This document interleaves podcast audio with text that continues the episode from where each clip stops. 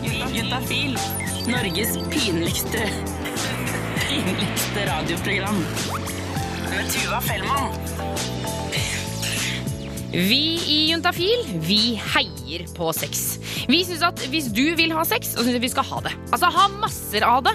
Så lenge du beskytter deg, så lenge du tar vare på deg selv, så er det ikke noe annet enn tommel opp. For det å ligge med noen, det skal være deilig, det skal være hyggelig, og det skal være gøy. Det skal være noe du gleder deg til. Men sånn er det dessverre ikke for alle. Det er jo sannheten. Og det er ikke nødvendigvis for at disse menneskene vi skal snakke om nå, ikke nødvendigvis vil. Det er fordi at de får så innmari vondt. I dag skal vi snakke om vestibulitt på juntafil. Og det er noe som jeg ikke har hørt så mye om. Jeg vet veldig lite om det, og det kan hende at du der ute heller ikke vet så mye om det. Så derfor, Nils Petter fra Sex og Samfunn, velkommen skal du være. Hei, takk for det. Du, hva er vestibulitt? Du, vestibulitt det er smerter i underlivet til jenter som ikke kan forklares av infeksjon, hudlidelser eller noen annen tilstand, som gjerne har vart i mer enn seks måneder. Okay. Eh, Så det er egentlig smerter ved lett berøring eller ved samleie. Eh, hvor mange jenter er det som har dette her? Vanskelig å si altså, med noe tall. Det er ikke så veldig mange, men det er nok flere enn det vi vet. Og så rammer det mest unge jenter. Og, og, fordi, og vi skal snakke masse om vestibulitt. Etterpå skal vi få besøk av uh, Sigrid, som har dette. Men jeg lurer på, uh, skal det være vondt når man har sex? Altså, for jeg tenker, hvis man, altså, ja, Skal det være vondt? Nei, det skal ikke være vondt å ha sex. Samleie skal være godt. Og er det smerter, så er det uttrykk for at det er noen ting som ikke er greit. Det kan være mange grunner til, altså, men det er veldig viktig at eh, det er nok altfor mange som har smertene i samleie, altså, som faktisk ikke sier fra om det. Og det, det må vi gjøre noe med. Um, vi skal altså holde fortet her til klokka sju frem eh, til, på P3. Eh, og jeg har googla meg litt rundt på dette med vestibulitt og finner lite. Det er noe rart. Eh, og straks så får du altså treffe Sigrid her i Juntafil, som har denne diagnosen. Jeg heter Tuva Fellmann. Velkommen skal du være. Og vi i Juntafil vi får jo veldig ofte inn spørsmål som handler om det å ha vondt når man har sex. Og det sies at så mange som 50% har opplevd det en gang, og at 20% opplever det regelmessig. Og det vi vanligvis havner på i svar eh, her i Juntafil, det er at jenta rett og slett ikke er kåt nok. Altså det blir for tørt, og det blir for mye friksjon, så det blir vondt. Men så kan det også være sopp, og det kan være klamydia, det kan være masse andre ting. Men så er det for noen få mennesker, så er det ikke noen av de tingene som er svaret. Vi har nå fått besøk av Sigrid på 23 år. Velkommen til Juntafil. Takk skal du ha. Du, du har noe som heter vestibulodyni. Mm. Sa jeg det riktig? Ja, jeg tror det. Det er jo bedre kjent som vestibulitt. Yes. Um, og vi snakka jo litt om det tidligere her. Um, men, og det er jo da altså å ha store smerter under samleie. Mm. Hvordan skjønte du at du hadde det, dette her? Uh, nei, altså Det er jo det som er litt vanskelig. Det tar litt tid før du forstår det, fordi første gang du har sex, så forventer du at det skal gjøre vondt, og det ender opp med å gjøre veldig vondt. Eh, og for meg så gjorde det faktisk mer vondt enn det jeg tror er vanlig òg, og jeg måtte liksom avbryte det og klarte ikke å gjennomføre. Eh, og så tenkte jeg ja, nei, nei, det er sikkert fordi det er første gang. Og så venter man en stund, og så har man sex igjen, og så gjør det fortsatt vondt. Og så tenker du ja, men jeg har jo bare hatt sex to ganger. Og så prøver du igjen senere, og det gjør fortsatt vondt. Og så fikk jeg meg en kjæreste, og vi begynte å ha sex regelmessig, og så gjorde det liksom fortsatt vondt. Og så tenkte jeg, er det her riktig da? Og så går jeg til eh, helsesøster, og så spør jeg henne, du, når, eh, når slutter det å gjøre vondt, egentlig? Og så sa hun at nei, men du, det, det går over. Og så ga hun meg masse sånne her eh, små poser med glidemiddel. Eh, Så sa at jeg antagelig ikke var for våt nok, og at jeg måtte passe på at vi ikke startet for fort, og disse tingene, som dere også sikkert har snakket om. Um, tenkte ja, ja, ok, og så går jeg nå videre til mitt, og så får jeg meg en eh, ny kjæreste senere, og det gjør fortsatt vondt, eh, og det gjør fortsatt vondt i en ganske lang periode. Og det gjør veldig vondt. Så da tenker jeg at nei, vet du hva, nå er jeg Da var jeg vel 20, kanskje, og tenkte at det her er ikke riktig. Jeg forstår at det fortsatt gjorde vondt da jeg var yngre, men nå, nå stemmer det ikke. Så jeg satte meg ned og googla litt. Smerte under sex, og prøvde å liksom beskrive nøyaktig altså smerte ved åpningen under og etter sex. Svir når jeg tisser. Um, og så fant jeg da eh, Majorstua-klinikken sine sider, hvor de skrev om vestibulitt. Um, og så kjente jeg bare at det, det er det jeg har. Det var jeg 100 sikker på. Og dette fikk du jo også bekreftet eh, fra legen at eh, du hadde eh, da du dro dit. Sigrid, vi skal snakke mer med deg her i Juntafil, for jeg lurer litt på denne smerten. Altså jeg lurer på hva slags smerte det er, hvordan det kjennes ut. Det skal vi prate mer om straks her på P3. P3. Vi snakker om det å ha vondt under samleie, å være jente og ha smerter under samleie. Eh, og vi får jo ofte spørsmål om det her på Juntafil, og de vanligste svarene er eh, f.eks. at det kan være soppinfeksjon, det kan være det at du har hatt sex for mange ganger den dagen, så det rett og slett blir litt sårt, det kan være at det er for lite fuktighet der nede, eller det kan være klamydia, det kan være mange ting. Men så er det også vestibulitt som er en diagnose. Sigrid, du har jo fått påvist den diagnosen, eh, og den gir store smerter. Store smerter. Men jeg lurer på hva slags, kan du si noe om hva slags vondt er det? Altså hvordan vondt er det? Det er um, Det svir, og det blir ofte beskrevet som jeg ville, jeg ville beskrevet det som en brennende følelse. Det er etter sex, man, hvis man går på do og vil tisse, så er det som å tisse i et sår.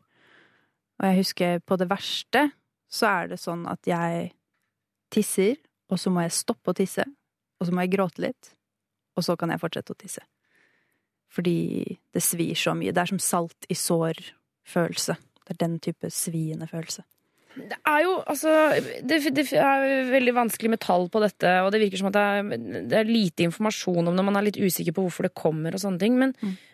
det er noen tall på at det er 1-2% altså Det vil si at det er jo noen, men det er ikke så veldig mange. Mm. Hvordan kjennes det ut å på en måte ha Altså er du på en måte Er du sint? Er du trist? Hva, hva, ja. hva sitter du igjen med?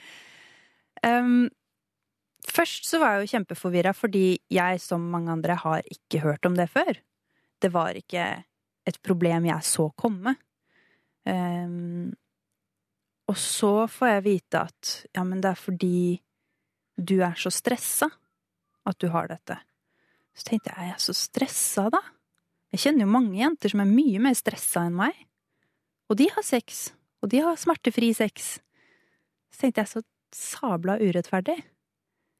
Så altså, etter hvert Jo mer opphengt du blir i å tenke på det, og du tenker hvor urettferdig det er, jo, jo, jo verre blir det også.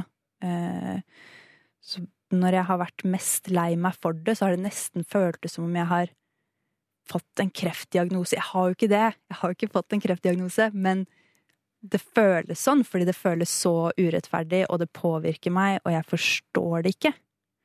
Jeg forstår ikke hvorfor, og jeg forstår ikke helt hva det er. Så det er, eh, det er frustrerende. Og det det verste, er ikke, det verste er ikke smerten. Det verste er det psykiske.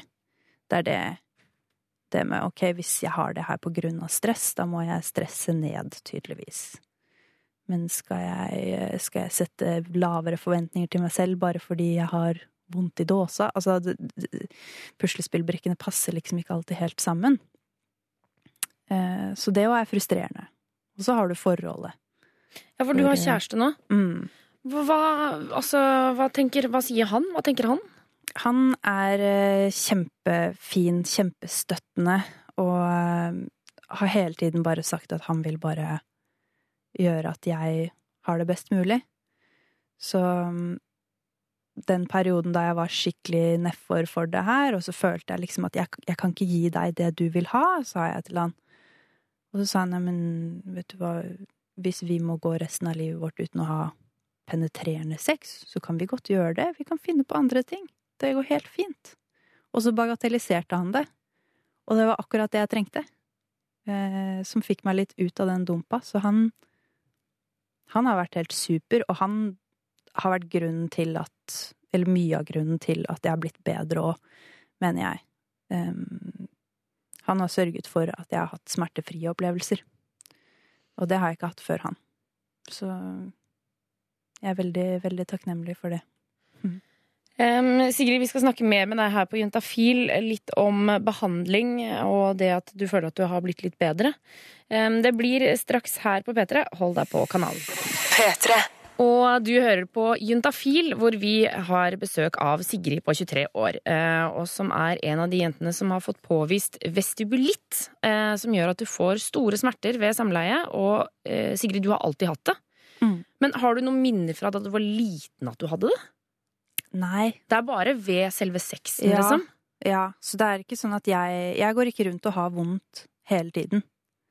Um, men, eh, men ja. Under og etter sex så gjør det vondt. Vi må jo bare legge til, eh, bare for å ha tallene på det rene her, at uh, hvis du har smerter ved samleie, så vil det ikke nødvendigvis si at det er vestibulitt. Det er, kan være at det er forspillet er for kort, eller at, det har, eh, at du har sopp eller klamydia, og masse andre ting. Men det er altså tall som viser at 1-2% av norske jenter har akkurat dette her. Em, og så virker det også som at det er en del leger som ikke Altså, det virker som at det er litt lite informasjon. Det er akkurat som man ikke vet helt hvorfor det kommer. Mm. Samtidig som det er eh, noen tanker om at det er stress, og det kan være etter seksuelle overgrep og sånne ting. Mm. Men altså, hva slags Så er det jo liksom hvordan man skal få det vekk. Hva slags behandling har du fått? Eh, jeg har prøvd eh, to forskjellige kremer. En er atropinkrem. Det er eh, en form for øyedråper i, i kremform som skal bedøve. Eh, det andre er eh, eh, som du får reseptfritt på apoteket. Mange kjøper faktisk den til å bruke på sånn myggstikk og sånn for at det skal slutte å klø, for den òg har en bedøvende effekt. Ja. Eh, mm. Så da smører du det på nedentil? Ja, enten smøre på nedentil, eller smøre litt av den eh, på en sånn tynt eh, bomullag, og så legger du det inntil på natta, og så tar du på deg truse. Åh, litt som motsatt bind, på en måte. Ja, ja, ikke sant. Um, så den, akkurat den kremen kan gjøre litt vondt å ta på. Eh, fordi de har funnet ut at jenter med vestibulitt får tydeligvis vondt av den, og det gjør ikke andre. Ehm, så har jeg prøvd eh, fysioterapi, eh, hvor jeg har gått da til Mensendik. Og der Det er ikke sånn at de driver og masserer dåsa mi når jeg kommer dit, eller noe. Nei. Eh, Men det er rett og slett sånn at de, de lærer meg å gå, de lærer meg å puste, de lærer meg å kontrollere musklene mine, og de lærer meg å kjenne etter når jeg har spenninger, sånn at jeg kan få de til å slappe av. Og alle disse tingene har meg, har latt meg føle forbedring, faktisk. Eh, det morsomste har vært fysioterapien, rett og slett fordi da kunne jeg ha smertefri sex uten noe ekle kremer eller noe sånt eh, i veien, på en måte. Da bare opplevde jeg smertefri sex. Så det vil si at du nå har Av og til så har du sex som ikke gjør noe vondt? Ja. Av og til. Men det, hø altså, det høres jo innmari slitsomt ut, alt dette her. Ja. Altså jeg tenker sånn eh, Andre jenter er bekymra for å liksom barbere hvordan de skal se. Altså Det er så mye, og så har du dette i tillegg, liksom. Ja. Er det, blir du sliten av det? Ja. Jeg blir møkk lei. Og av og til så Det er derfor jeg aldri blir liksom helt bra og i veldig lange perioder. Fordi jeg stopper opp. Jeg blir lei av å holde på med det. Jeg vil ikke tenke på det mer. Og da går jeg inn i en sånn her eh, in denial-periode. Hvor jeg bare ikke smøre meg, ikke tenke på at jeg har vestibulitt, ikke gjør noe med det, liksom. Og så angrer jeg selvfølgelig etterpå. Men, eh, Fordi, altså, men bare ta det altså, så for er det på en måte Det er ikke det at du får sår, det er bare at huden Nei. blir øm, liksom? Altså, de kaller det gjerne en, en uh, inflammasjon, som på en måte er det at du klør deg på armen, Mm. og du blir sår. Det er områder i huden der nede som bare er mer ømfintlig enn resten, liksom. Eh, I tillegg så har du masse eh, nervesensorer der nede for at det skal føles godt. Ikke sant? Det er derfor alle elsker sex. Mm. Problemet er at hvis du trener opp alle disse nervene til å oppleve smerte istedenfor velbehag, så har du ba, ender du bare opp med alle disse nervene som er hypersensitive til smerte. Jeg lurer på, altså, Er det andre typer sex, for eksempel altså, eh, fingre? Kan det, er det liksom, har det noe med størrelse å gjøre? Det har visst litt med størrelse å gjøre og sånn jeg har forstått det. Så, så fingring blir jo da En finger er ganske mye mindre enn en penis, så det, det er ganske mye bedre. Men vi har alltid, jeg og kjæresten min er alltid sånn at han, han bruker bare én finger, ikke to. Nei. Mange bruker to fordi de liker at det blir utvidet litt, mens for meg er det en dårlig ting, på en måte. Mm. Så én kan funke fint. Um, og oralsex er, eh, har alltid vært helt smertefritt. Det har aldri vært et problem for meg. Nei. Så det er bare idet noe går inn i, i Mm. inngangen der, liksom? Mm, det er liksom Hva skal jeg si? Det brutale, det Ja, at du, du, du bryter opp noe, på en måte. Mens alt som er bare forsiktig og, og tunge, er jo ikke sant Den er jo bare myk og god, så det er, da er det ikke noe problem. Jeg, jeg lurer på, jeg har jobbet veldig lenge i Juntafil Mhm. og har snakket om veldig mye forskjellig angående sex, men dette her er det, er det få som har lyst til å fortelle om. Det er få som har lyst til å snakke om det. Mm. Hvorfor tror du det er sånn? Det er så, det er så personlig. Det er så privat. Det er Jeg skulle ønske Det er mange ganger jeg tenkte jeg skulle ønske at jeg kunne godt takla den samme smerten, men bare at det var vondt i en skulder. Eller at jeg bare hadde vondt i magen. Sånn at du kunne si fy fader, det var så dritvondt i Ja. skulderen i dag, liksom? Ikke sant? Istedenfor å si at i dag er det vondt å ha på seg olabukse, liksom, eller jeg har det kjipt fordi jeg klarte ikke å gjennomføre sex med kjæresten min i går. Mm. Det er ikke så lett å snakke med mamma og pappa om. Eh, Vet familien din om dette? Ja, de gjør det. Det tok meg ganske lang tid å fortelle dem det, og når jeg fortalte dem det, så forsto de det jo ikke. Ehm, som jeg skjønner veldig godt. Det har bare alltid vært veldig vanskelig å snakke om. Jeg vet ikke. Det er rett og slett det med at det kommer tilbake til sex mellom meg og kjæresten min. Og det er så privat at, eh, at det er vanskelig å, å, å, å snakke med andre om. Da har jeg lyst til å si tusen takk for at du kom og fortalte om dette på Juntafil, Sigrid. Det var eh, modig gjort. Eh, Det er jeg glad for. Vi skal også straks få besøk av eh, Ingrid, som jobber som fysioterapeut og jobber med behandling av denne diagnosen, i tillegg til vaginisme. Vi skal også finne ut av hva det er straks her på P3. P3. Og du hører på Juntafil på P3, og vi hørte nettopp fra Sigrid på 23 år, som har det som heter vestibulitt. Det gjør at man får store smerter eh, i underlivet når man har sex. Og jeg må bare si det igjen klart og tydelig at hvis du der ute har smerter under samleie, eh, så vil det ikke nødvendigvis si at det er vestibulitt du har. Det kan være mange andre grunner som også er relativt mye mer sannsynlig, f.eks. sopp, klamydia, eller at det er for lite fuktighet der nede. Men vi skal tilbake til den diagnosen. Vi har nå fått besøk av Ingrid Næss. Du er spesialist i kvinnehelse og jobber som fysioterapeut på Store og Nydalen Mensendick fysioterapi. Velkommen til Juntafil. Tusen takk. Du, jeg har et inntrykk av at det er mange i Helse-Norge eh, som ikke vet noe om vestibulitt. Hvorfor er det sånn? Jeg tror det kan være mange årsaker til det. En av de er kanskje at eh, jentene som får denne diagnosen, er eh, eh, De venter litt med å ta kontakt med lege. De, de eh, vet, de prøver kanskje å lese seg opp på hva det kan være, og mange prøver også å behandle seg selv. Dessuten så er det en kvinnelidelse, og kvinnehelse er ikke et uh, veldig prioritert område i, i, hos uh, en del medisinere i dag.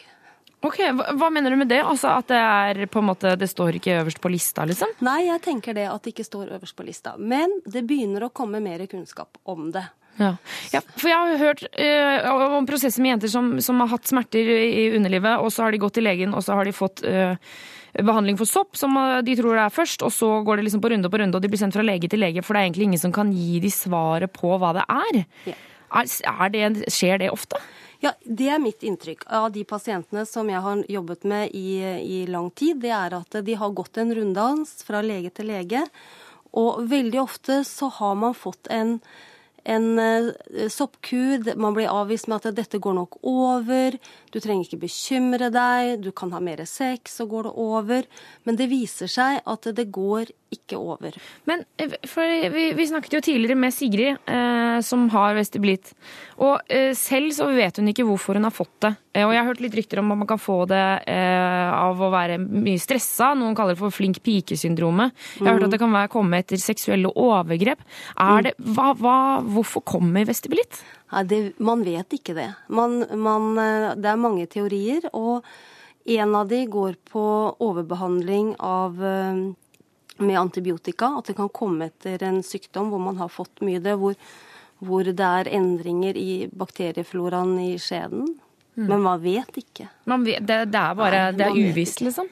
Det er uvisst. Det er faktisk det. Det er utrolig frustrerende, da. Jeg kjenner det. Jeg blir helt sånn herregud. Ja. For det, det jeg tenker, er liksom eh, at vi får jo inn spørsmål hele tiden fra jenter som har smerter under samleie. Og jeg tenker på de som sitter nå og hører på og som tenker dette her, er det, gjelder dette meg, liksom.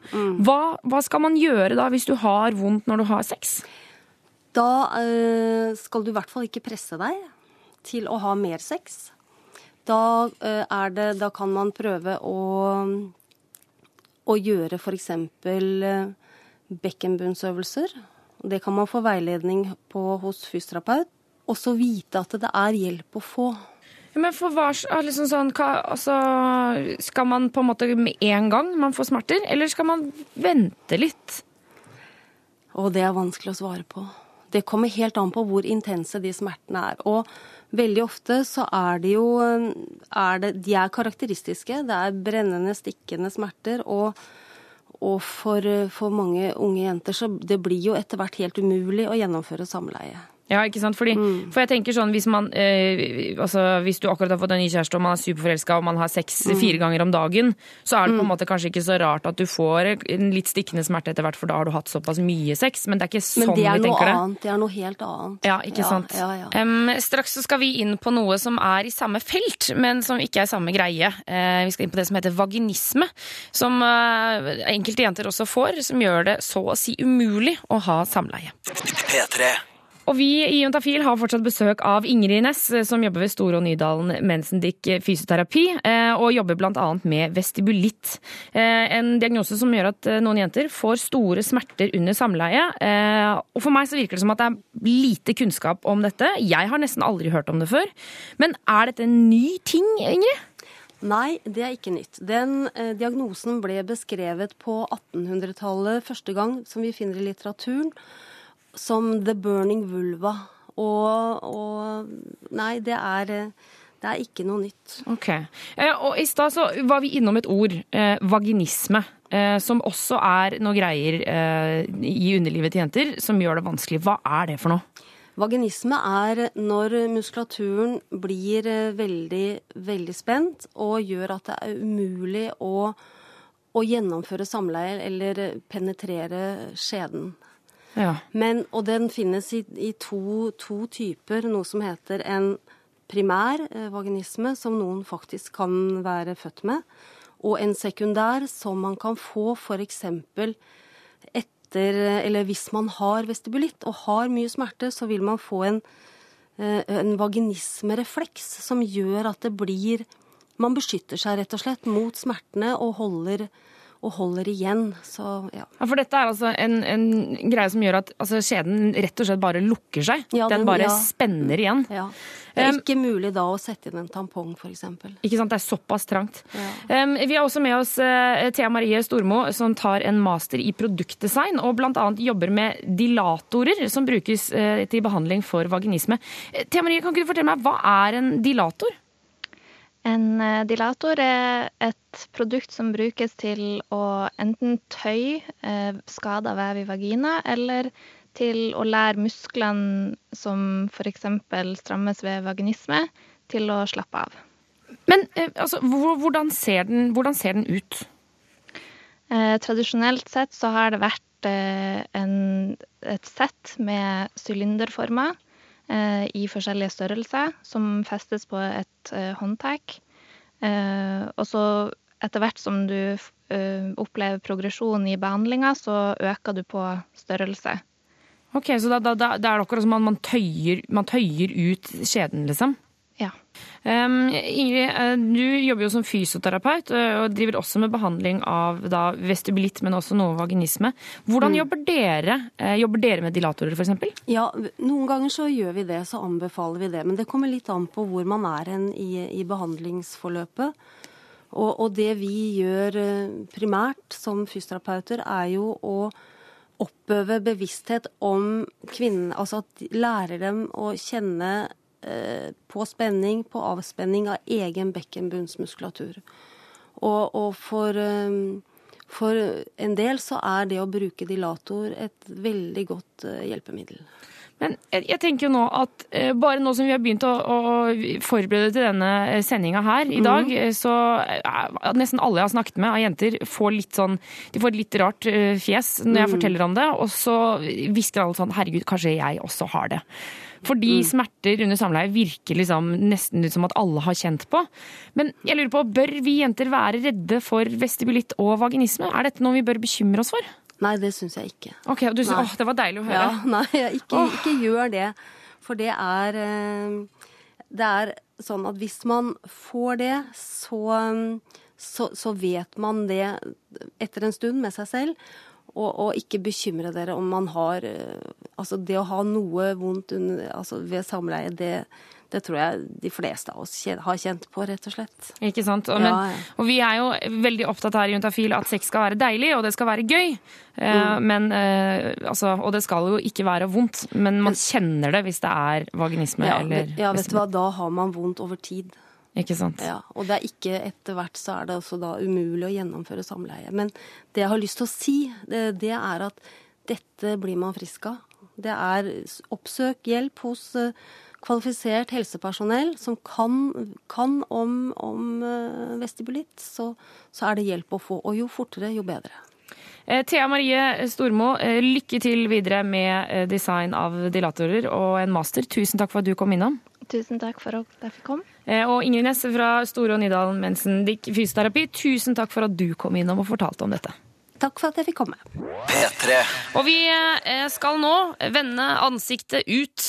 Eh, Og vi skal ut i de eh, slitsomme, store gatene i Oslo. Og der finner vi et gammelt fjes. Altså, Kaller, kaller du meg gammal? det er jo ikke det at du er gammel, men du er jo, det er jo en stund siden du har vært her på Juntafil. Jonas Jeremiassen Tomter. Hei, Tuva Fossum Fellmann. Ja, ja, ja, ja. Hvordan går det med deg, lille påsan? Det går bra. Jeg trasker på eh, Oslos våte gater. Det har regnet i dag. Oh, ja. Men nå har det tørka opp, og det er sånn fin, sånn klassisk sånn vår... Ikke noe sol-ettermiddag. Skjønner du hva jeg mener? ja sånn, og luk, men lukter det sånn våt asfalt? Skjønner du hva jeg Eh. mener når jeg sier det? Jeg skjønner hva du mener, og jeg må dessverre si nei. Ok. For det, det lukter bare bløtt. ok. Vi har ikke kommet til det hyggelige stadiet ennå. Men hva er det du skal gjøre i dag, Jonas? Nei, jeg er på vei til et sted som heter Sex og samfunn. Ja. Eh, For de har nemlig russens dag i dag. Jo. Eh, Dørene åpne for russ, slik at de kan gå inn og sjekke seg for ulumskheter nede i halvheisen. Nede i halvheisen. der kan det jo sette seg både det ene og det andre. Absolutt. Eh, Så du skal da Skal du bli med russen? Skal du inn på do og tisse i kopp og liksom sånne ting? Skal du sjekke deg, forresten? Ja, altså, jeg får se Ja, jeg kan det. Jeg er ganske sikker på at det kommer til å være rent og pent som en eh, munk der, altså. Men, eh, men jeg kan godt sjekke meg hvis det ikke er noen russ der. Jeg, har- jeg snakka med folka før i dag, og det har vært eh, liksom russ som har slengt innom hele dagen, men de har jo åpent helt i kveld. Altså, det kan en, jeg vet ikke om det er noen der nå, jeg. Ja, men det blir spennende å se. Hvis, Ja. ikke, så er det jo, altså da, hvis ikke så er det du som skal tisse i koppen, vet jeg. Ja, men jeg elsker å tisse på radio. jeg. Ja, det vet jeg. Det har du gjort uh, nok ganger før her i dette programmet og det andre programmet jeg leder. Så Oi, jeg må gå og kjøpe noe Farris. Hvis jeg, øh. Jonas, vi snakkes litt seinere. Ja. om ikke så altfor lenge så skal vi få besøk av Nils Petter, som også er fra Sex og Samfunn, men som er her i studio. Og han skal selvfølgelig svare på dine spørsmål om sex, kropp og følelser. Send inn 1987, kodeord juntafil. Spør om hva du vil når det kommer til sex, kropp og følelser. P3. Og Nils Petter fra Sex og Samfunn, vår faste gjest. Velkommen tilbake. Heia. Heio! Eh, Du skal svare på spørsmål som kommer inn til 1987, kodeord juntafil. Eh, Er det noen begrensninger på hva man kan spørre om? Nei. Nei. Åh, det er deilig. Det beste jeg vet! Var det veldig kort svar, det? Nei, men det er Nei. helt fint, det, for det er jo ikke noen begrensninger. Altså, det er Nei, jo ikke selvfølgelig ikke alt du kan svare på. Eksempel hvorfor jorda er blå fra rom, altså aerospace. Det er ikke sikkert du vet, men du kan svare på spørsmål, sex, kropp og følelser. Vi kan svare på det, og vi, kanskje? Ja, det kan. Alt, alt er mulig her. Ja. Vi har fått inn en SMS her hvor det står Hei, juntafil. Jeg har en mistanke om at en kollega er homofil. Hvordan skal jeg gå frem eh, i forholdet eh, i forhold til at vi har en mistanke eh, som altså at vi tror at han eh, er homofil og har ikke kommet ut av skapet? Hva skal vi gjøre da? Ja, eh, det her er jo i utgangspunktet et, eh, en veldig privat affære, tenker jeg, for, eh, for den det gjelder. Eh, så hvis vi går ut ifra at det er en mann som det snakkes om her, da, så sier jeg han, siden han skriver homofil. Det kan jo også være eh, lesbisk. Men ehm, Altså, For det første så har man jo verken ingen opplysningsplikt eller informasjonsplikt, tenker jeg. Nei, på ingen Eh, måte. Det, det er på en måte litt det første som slår meg. Eh, men det er jo et interessant tema, eh, og det er jo alltid opp eh, på agendaen, og det skal det jo være. Eh, litt sånn tenker jeg i forhold til det, med også være homofil, det med å komme ut som homofil. Eh, det er jo et eh, det er jo en kjempeutfordring for de fleste. En kjempeprosess. Eh, og den prosessen er jo så forskjellig fra person til person, og der er det jo ingen fasitsvar. Eh, og vi vet jo ikke om den personen her er homofil eller ikke. Nei, s- jeg tenker litt sånn, hvis, hvis personen er homofil da, og skal komme til skapet, så tenker jeg litt sånn, men kan man ikke få lov til å gjøre det selv? Jo. Eh, altså, det som, det som jeg syns egentlig er et lite problem, det er det at man fortsatt har et eh, konsept som heter 'kom ut av skapet'. Eh, jeg syns det er litt sånn å filosofere rundt det, fordi eh, jeg tenker at nå, nå har vi jo kommet så langt i, i, i hvert fall i den vestlige verden med forståelse av hva homofili er. Det er noe man er født med, og det er ingenting man velger, og det er en del av mangfoldet eh, som vi personer. Og jeg tenker at eh, hadde man vært, hadde det vært helt eh, 100% aksept for det, så hadde det jo heller ikke hett kommet ut av skapet'. fordi da, man skal ikke ut av noen ting. Det skal egentlig bare være der som en naturlig ting for, eh, for dem det gjelder. Men jeg ser noe sånn at det er noen ting som heter 'komme av skapet', fordi det er noen dørterskel der. Eh, Fordi det er skummelt, og det er, det, det, det, det er masse tanker og følelser rundt det. Eh, Og mange kvier nok seg veldig for å så åpne den døra, fordi da har du plutselig ingen retrett tilbake, ikke sant? Har du først sagt noen ting, så, så kan du egentlig alle gå tilbake på det. Er litt den følelsen. Ja, selv om det er jo en del som gjør det da, men uh... Jo, men det er litt eh, Det er jo å hoppe ut i det, ikke sant? Og det kan jo føles som en eh, Gjerne som en sånn at livet snus opp ned, eller at du, du, du blir eh, altså en helt annen eller ny person, da. ja. Med å faktisk da være åpen. Eh, og så tenker jeg jo at den prosessen her er jo den Den skal man jo gå i egne sko. Eh, og det er jo umfintlig tema, og jeg tenker at det å spørre noen rett ut på en arbeidsplass er jo ingen god idé. Nei, ok.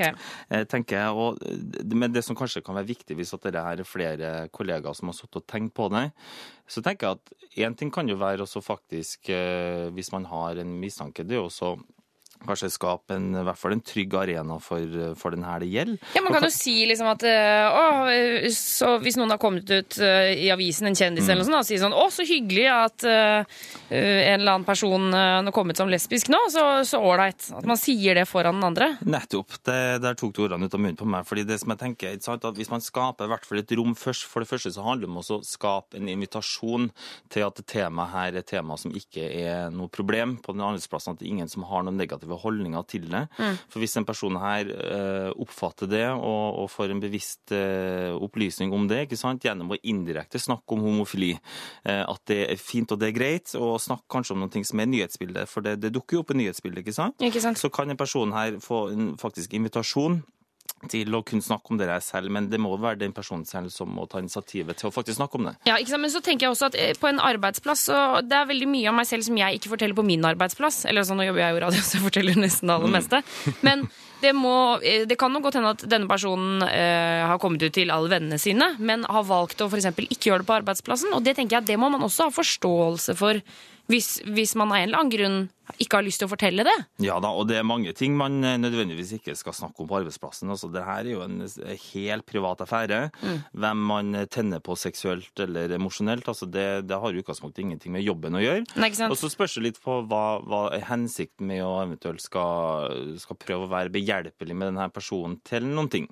Altså, Men, Så hvis vi skal oppsummere litt, så uh, at dette må være denne personen som du tror er homofil, den må komme ut, av, eller komme ut og fortelle dette selv. Det er ikke noe man skal presse frem. Men at man kan skape en ålreit tilværelse å komme ut i. Mm.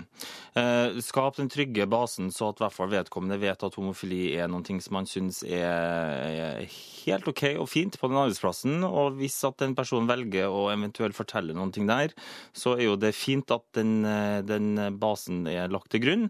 Og hvis at ikke det skjer, så tenker jeg at da, da lar man det egentlig bare være. Ja. Ja, og lar det få lov å være den personen sin, sitt valg. For det er jo heller ikke sikkert at, eh, at den er det heller. Eh, 1987, kodeord juntafil. Hvis du der ute har et spørsmål, ta gjerne med kjønn og alder på din SMS. P3. Ah, Digi Beyoncé, Irreplaceable, eh, 14 over 6. Vi har fortsatt besøk av Nils Petter fra Sex og Samfunn. Hei. Eh, 1987 kodeord juntafil er stedet man kan stille spørsmål om sex, kropp og følelser. Vi har fått inn en SMS her fra gutt24. Er du klar, Nils Petter? Eh, Her står det Kjæresten min sliter stort med urinveisinfeksjon. Skjer gjerne etter en langhelg med mye sex. Har søkt lege og urolog, eh, og de sier at det beste er en antibiotikakur på en seks måneders periode. Dette kan da ikke være sunt eller bra, og vil det bli bra? Hvorfor er det sånn at i 2015 har vi ikke noe annen type behandling, og vet ikke grunnen engang til infeksjonen hos jenter når det er så utrolig utbredt? Jeg har slitt med dette siden 2006, det går utover sexlivet, og vi blir frustrert og lei av det. Her var det jo mye. Ja, Starte med dette med antibiotika. OK. Eh, nå er det veldig mye vind da, for tida med antibiotika i media. Eh, men altså, antibiotika gis jo veldig ofte da, mot urinveisinfeksjoner. Og urinveisinfeksjon hos jenter er veldig mye mer vanlig enn til menn. Eh, det har stort sett å gjøre med at det er kort vei fra anus til skjeden. Eh, og da er det ikke så langt for bakterier å så komme i nærheten av skjedeinngangen og kravle oppover i urinrøret opp til urinblæra, hvor de skaper en infeksjon. Ok, For det er det som skjer. Det er det som skjer Men oftest. krabber, altså krabber bakteriene? Går, altså Tasser de, eller er det at man liksom kommer borti, og så borti der, liksom? De krabber med armer og bein. Ja, de gjør det, ja. de, gjør faktisk det, altså. Jævlig. Ja, da. Så nå er det ikke så veldig langt fra urinrørsåpningen og inn til blæra hos kvinner heller. Det er bare noen få centimeter. Mm. Det er nettopp det som gjør at det er enklere at det fester seg bakterier i urinblæra enn det gjør til menn. For til menn så er det jo eh, lengre avstand ikke sant, fra tuppen av urinrøret til blæra. Det, det sier seg selv. Okay. Um, så antibiotika gis jo vanligvis. eh, det er ikke alltid nødvendigvis at det ikke er noe sånn komplisert urinveisinfeksjon, som man sier da. Mm. men for noen ganger kan det gå over altså, ved å så vente litt, eller å faktisk Det har vært noen studier hvor man prøver også bare å gi Ibux, eh, og så se om det faktisk går over. Eh, men hvis at det er gjentatte ganger, så, så kan det være litt eh, grunn til å finne ut av hvorfor det skjer. Og så sier man gjerne at eh, hvis at det skjer mer enn tre ganger per år, så sier man at det er en sånn gjentagende urinveisinfeksjon som, eh, som kanskje krever litt eh, videre undersøkelser da, for å finne ut akkurat hvorfor. Det kan være så mange grunner til det, men okay. det som jeg nevnte med bakteriene, det er jo det på en måte prinsippet eh, som skal til for å skape en infeksjon, så må det være bakterier til stede. Men er det sånn som man spør om da, er det farlig eller er det liksom usunt å gå på antibiotika over seks måneder, som hun da har fått? Ja, altså De antibiotikaene som gis eh, sånn, eh, regner med det den som gis hver dag. eh, Og det er en veldig veldig lav dose av antibiotika, så mye lavere enn det som gis ved en vanlig tredagerskur da, til en urinveisinfeksjon. Så gis det mye lavere dose eh, over lengre tid for å forhindre faktisk at bakteriene får lov å skape eh, vekst. Eh, og så, så kan det jo ehm, det kan være andre årsaker også til at uh, man får sånn gjentatte urinveisinfeksjoner. Hos noen så er det rett og slett at det er noe uh, unormalt i forhold til uh, det anatomiske, som vi sier da, hvordan urinlederne tømmer sin urinblære. At det kanskje er noe det er litt for trangt, eller at det er noe feil med, med urinveiene, som gjør at det faktisk urin blir liggende for lenge i blæra. Ok, Så det kan også være en grunn. Ja. Men jeg lurer på, det finnes jo masse sånne kjerringråd. Sånn eh, drikke vann med sitron og gå og tiss etter sex. Er dette, er dette ting man skal høre på? Eh, Ja, altså Det å tisse etter sex, eh, det stammer litt fra den tanken at man, er det noen bakterier der, så, så tisser man det forhåpentligvis ut. At det ikke får da lov å kravle oppover i urinrøret. Men vi vet jo også det at samleie det øker jo risikoen for urinveisinfeksjoner hos kvinner. Så det stemmer jo ganske bra for så vidt statistisk sett, det som man forklarer her nå, da, at det kommer etter flere runder med samleie. Ja. Eh, Det øker risikoen betraktelig, faktisk. Men det som kan være litt greit å tenke på, det kan være litt i forhold til sexstillinga. At, eh, at man ikke penetreres, penetrerer så at penis kommer bort i den fremre delen av skjedeveggen hvor faktisk åpningen til urinrøret er. Fordi ja. da dytter man kanskje litt mer bakterier inn i urinrøret. Ja. Fordi det er jo alltid bakterier som er der naturlig både hos kvinner og også hos mannen. Ja, okay. En liten teori om at det kanskje forverrer. Så kanskje hvis man endrer litt på stilling, eh, at eh, støtene kommer mer på baksiden. Eh, men også igjen det med, med hygiene generelt, da. Ja. ja. Obs med hygiene generelt. Prøv å bytte stilling, eh, og så får vi bare si lykke til til gutt 24. 1987 kodeord P3 hvis du har et spørsmål. P3. Vi flytter oss ut igjen til eh, de svære Sex og Samfunn-kontorene. Der står det en ikke fullt så svær mann, men veldig ivrig mann. Jonas Jeremiassen Tomter. Hei, Tuva. Hei! Hva Eh, gjør du for noe, Jonas? Du, nå er jeg inne på et eh, kontor Mm. uh, inne på Sex og Samfunn, hvor de også satt fram sånn strykejern, sånn at folk kan klistre på seg uh, på russebuksa hvor det står 'Jeg har sjekket meg, nå, oh, ja. nå vil jeg sjekke deg'. Jeg trodde du skulle si som om de kan stryke det over kjønnsorganet. Mm, varmt og deilig. De bare får sånn brannskader herfra til månen. Nei, nei, nei, på buksene sine. Og jeg sitter her sammen med Ida og Maren. Hallo, jenter. Hei jo. Eh, Det er en rødruss og en blåruss. Eh, Hvorfor altså, kan farger være venner? Ja, det syns jeg. Hæ? Bestevenner? Men har dere buss sammen? Nei. Hvordan, eh, hvordan har russetida gått? Veldig bra. Hva har vært høydepunktet? Høydepunktet? Nei, ja. Det må være Tryvann. Tryvann.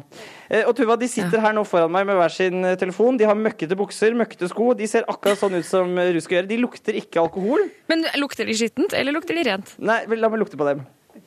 Nei, Maren lukter greit. Jeg har jo også lyst til Ida å lukter parfyme, hun også. Så de, de har vaska seg. Ok, Jeg har litt lyst til å spørre om, de, om du tror at de har kjønnssykdommer. uh, jeg tror de har det. Er det sant? jeg, jeg tror dere har kjønnssykdommer, eh, Ida og Maren.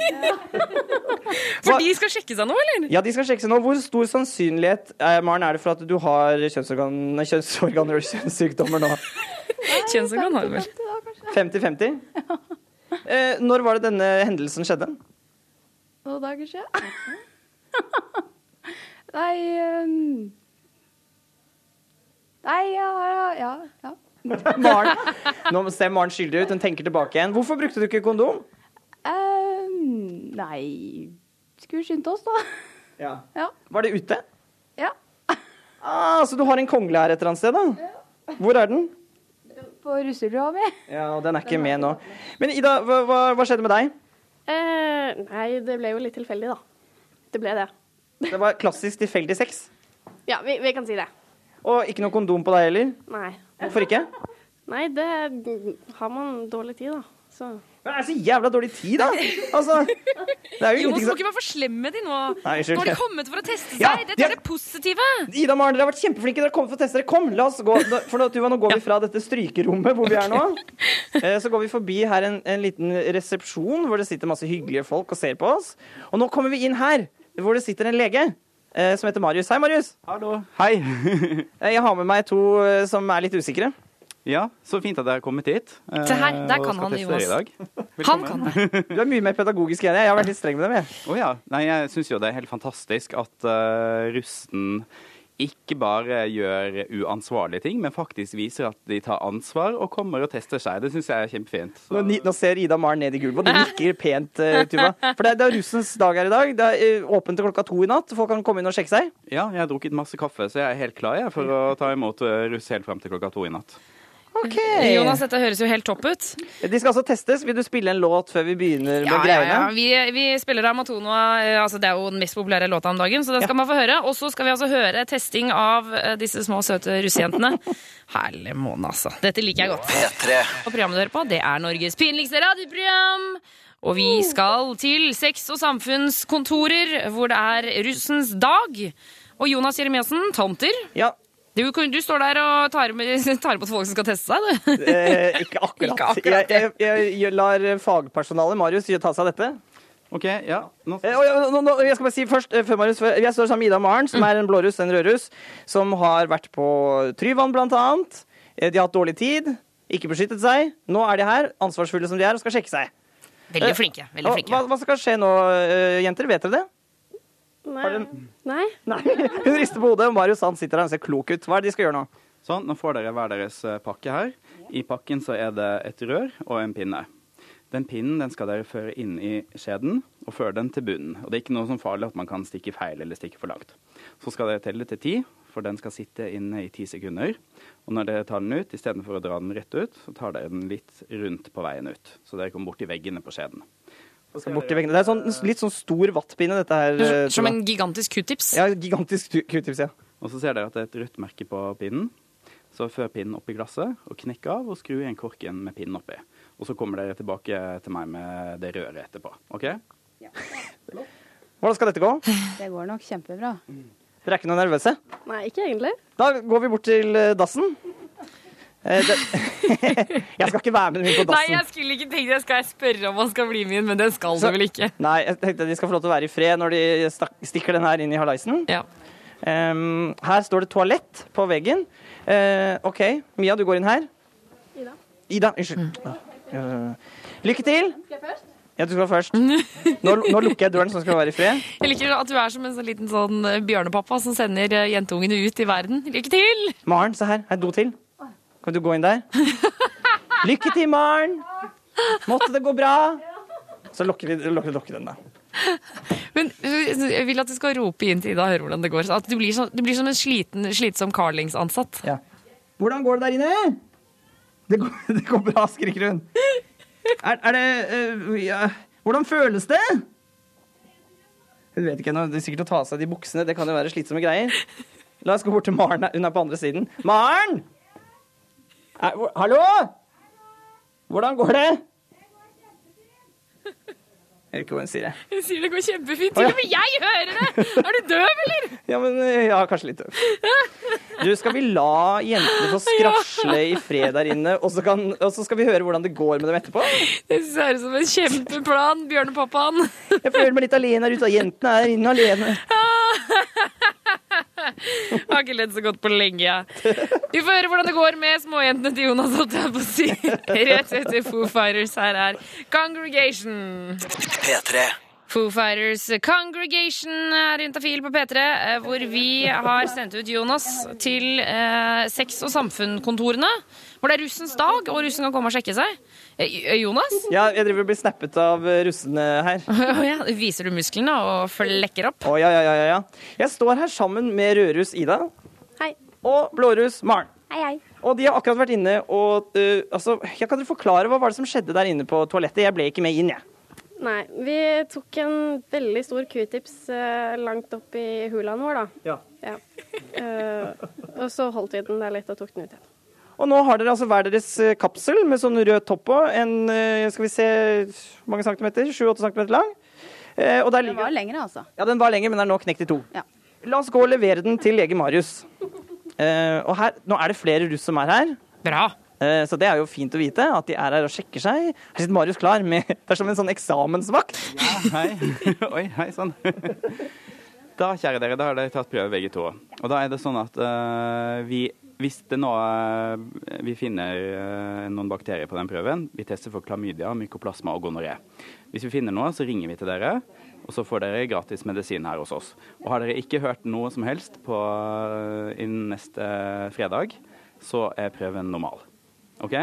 Og da kan de feire 17. mai uten noe medisiner eller noe. Ja, det kan de. Eh, Men en liten sånn fun fact som mange ikke tenker på, det er at man kan faktisk drikke alkohol selv om man bruker klamydia-antibiotika. Ah, nå, nå jubler Maren her på siden. Det var bra. Det var bra, det var gode nyheter. Ja, det var veldig gode. Lykke til da, jenter. Eh, Jeg får ikke vite hvordan det går med dere, men jeg krysser fingra. Tusen takk. Vi krysser fingrene alle sammen, Jonas. Og bruk kondom resten av tida da. Ja, det skal vi gjøre. Lover dere det? Ja. ja. Ja, de nikker. Det er bra. Det er bra, Tuva. P3. Og vi har fått Nils Petter tilbake i studio. Svarer på spørsmål 1987, kodeord juntafil. Her er jeg. Yes, Vi har fått et langt spørsmål eh, hvor det står Hei, jeg eh, har lurt på noe helt siden jeg ble kjønnsmoden. Hvordan skal egentlig utflod se ut og lukte? Jeg er 27 år og er fortsatt usikker. Jeg har søkt på nett, men der skriver de veldig lite om det. Det sies at den ikke skal lukte feil eller være misfarget. Men hvordan vet jeg om det er feil hvis jeg ikke har fasiten? Jeg blir frustrert bare av å skrive om det. Jeg håper dere kan hjelpe meg. Hilsen anonym. Utflod den skal være eh, gjerne litt sånn slimete eller eh, melkehvit eller sånn gjennomsiktig. Det, det er det den skal være? Ja, den vanlige utfloden, for alle har utflod. Det er helt normalt. Okay. Eh, og så kan den bli litt mer sånn gulaktig eh, når den blandes med luft. da. Så Hvis at utfloden kommer ut, så kan den bli litt mer sånn gul. Det er sånn reaksjon som skjer. Litt når- som snørr, på en måte? Ja, litt sånn. Det er sånn reaksjon med, med oksygen, så blir det sånn etter det har kommet ut av skjeden. Og det skal egentlig ikke lukte noe særlig ubehagelig av vanlig utflod. Eh, Og heller ikke være noe kløe eller noe sånn andre, noe svi eller noe sånt. Eh, Men det er da helt normalt, og så blir det også litt mer utflod rundt eggløsning. Eh, Da er det mest av det. Uh, Og så går det i sånn syklus, i menstruasjonssyklusen. Ok, men og Når du sier at det i utgangspunktet ikke skal lukte så veldig mye, hva, uh, altså, når er det det lukter feil? Hva er det det lukter da, liksom?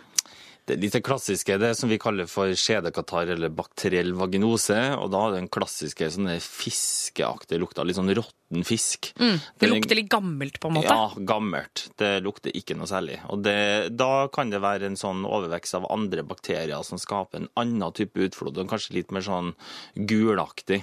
Ja. Eh, kanskje grønnaktig også noen gang. Grønnaktig, Ja. Det blir sånn sånn Er det lov å si alienslim? Altså, det Men fordi altså, det, Når det blir så rare farger på det, det er jo spennende, da. Ja da, det er masse spennende farger. Men, men hvis, eh, hvis det er sånn at eh, hun jenta her eksempel har litt sånn rar farge, altså eksempel litt grønnaktig, eh, og det lukter litt gammelt, det lukter nesten litt sånn ja, fisk eller søppel, eller jeg vet ikke hva det er, men noe sånt noe. Mm. Hva gjør man da? Eh, Enten så kan man eh, se det litt an med å helst unngå for mye såpe over eh, hygiene, for det er ofte en sånn problematikk som vi ser igjen.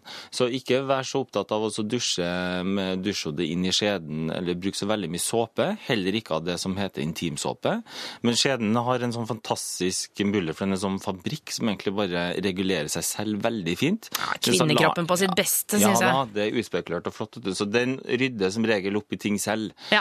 Eh, Men er det plagsomt, eh, så stikk til legen. Og så er det stort sett veldig lett å behandle, altså. Ok. Ja. Eh, Vi skal få med oss et siste- spørsmål, men før det så blir det drømmetime. Nicki Minaj, Drake og Lil Wayne. P3. Nicki Minaj, Drake og Lil Wayne med Truffle Butter. Den er altså så grov at jeg blir nesten flau av å høre på den. Eh, Men det er nå en populær låt, og den fenger jo bra, så vi skal, sikkert, eh, vi skal nok fortsette å spille den her på P3. Men vi skal ikke snakke om Truffle Butter nå, selv om eh, jeg skjønner at Har du, har, du googla den noen gang, Nils Petter? Hva om hva for noe? Googla Truffle Butter? Nei. Du kan gjøre det til torsdags, det. Du kan eh, google til torsdagsunderholdningen etterpå. Jeg skal skrive ned med en gang. Passer, passer godt inn i eh, sex, eh, kropp og følelser-tankegangen. Bare litt på den eh, rare siden. Um, vi skal svare på siste spørsmål. Uh, hei, eh, er det noen mulighet for å se spermkvaliteten selv? Uh, min blir uh, veldig blank og rennende fort etter utløsning. Bør jeg være bekymra? Og er det usunt å runke hver dag? Jeg er en ung mann eh, på 27 år og planlegger barn med min samboer. Ja, nei, det kan ikke du se selv, for det må man titte i mikroskopet altså for å se kvaliteten på spermien. Ok, Så det er ikke mulig. Nei, det kan du ikke se sånn. Eh, ikke med det blotte øyet. Um, og så hva sa han at det var Det ble litt sånn Det ble eh, blank og rennende. Blank og rennende, ja. Og Mm. det er helt normalt. Det er sånn som skjer når, eh, når sæden kommer ut og så blandes med luft. Så skjer det masse sånne kjemiske prosesser, og så vil den endre form og konsistens, og så etter hvert litt sånn farve også. Å ja. Ja. Så det, det, det er helt Ikke noe stress å ha liksom litt tynt flytende sæd? Nei. Um, og så spør han om det er usunt å runke hver dag. Nei, vet du, det er faktisk eh, veldig fint, det. Eh, og man ser faktisk eh, at det er forebyggende faktisk mot noe prostatakreft. Er det sant? Ja. Bra! Så der anbefaler man faktisk å bare stå på. Så, så det er Ja, det ingen grunn til å på. gi seg. Ja. Kjør på hver eneste dag. Vær så god. Flere ganger om dagen nå, eller? Ja, så lenge man vil. Så lenge det ikke, så lenge det ikke er veien for de vanlige tingene man ønsker i løpet av en dag. Så lenge det ikke blir et problem, så, så kan man gjøre det. Så lenge du sier, hvis ikke du sier til kona di sånn Du, vi kan ikke spise middag i dag, jeg må faktisk gå og runke på eh, soverommet. Da Ja, Må invitere henne med i ja, så fall, Kan hende at du har lyst til å bli med, da. Ja, det kan jo hende. Absolutt. Ja, det er mange former for dessert. Eh, Nils Petter, eh, Juntafil er kommet til veis ende. Um, men tusen takk for at du kom innom i dag. Takk for at jeg fikk være her igjen. Eh, og det er sexysamfunn.no hvis du der ute har lyst til å eh, lese mer om de. Og det er jo eh, russens dag i dag, Nils Petter. Det er det. Så hvis du, er, ja, hvis, hvis du er i Oslo-området og har på deg røde, blå eller grønne bukser, eller hva nå, eller, jeg vet ikke hvilke farger russen har nå til dags, så kan man dra innom og sjekke seg hos dere. Mm, I dag er virkelig muligheten, altså. Ja, fy fader. Hvor lenge har dere oppe? Jeg lurer på om det er åpent til klokka to, eh, tror jeg vi ble enige med. Oh, Kjempeseint. Helle måned. Ja. Ja, stikk, inn, eh, stikk inn på sexogsamfunn.no og les mer om det der. Um, Juntafil er slutt for i dag. Eh, Jeg heter Tuva Fellmann. Og, men før jeg klapper sammen sakene, så må jeg bare si til deg at jeg syns du kan gå inn på p3.no, eller du kan gå inn på Facebook-sida til Juntafil, for der ligger det nå en svær eh, sak om eh, Sigrid, som vi hadde på besøk tidligere i dag, som fortalte om det å ha vestibulitt. Og hvis du ikke vet hva vestibulitt er, som jeg ikke visste, eh, så er det altså en eh, diagnose, en sykdom, som gjør at du får eh, intense smerter nedentil. At det er jenter som får det eh, når de har samleie. Eh, Og hun forteller om det, og hvordan det er, og ikke minst hva kjæresten hennes syns, og hva foreldrene hennes sa da hun eh, følte at hun måtte fortelle det. Eh, så gå inn p3.no eller eh, Facebook-siden til Juntafil, og så kan du se den der. For den er absolutt verdt å få med seg. Juntafil er tilbake neste torsdag mellom fem og syv. Og vi har podkast, og vi har Twitter, og vi har alt sammen. Og få med deg Ruben par minutter over syv. Vi avslutter med Arcane Station. Her er Make Me a Bird. Husk å bruke kondom. Ha en god torsdag. Ha det! P3.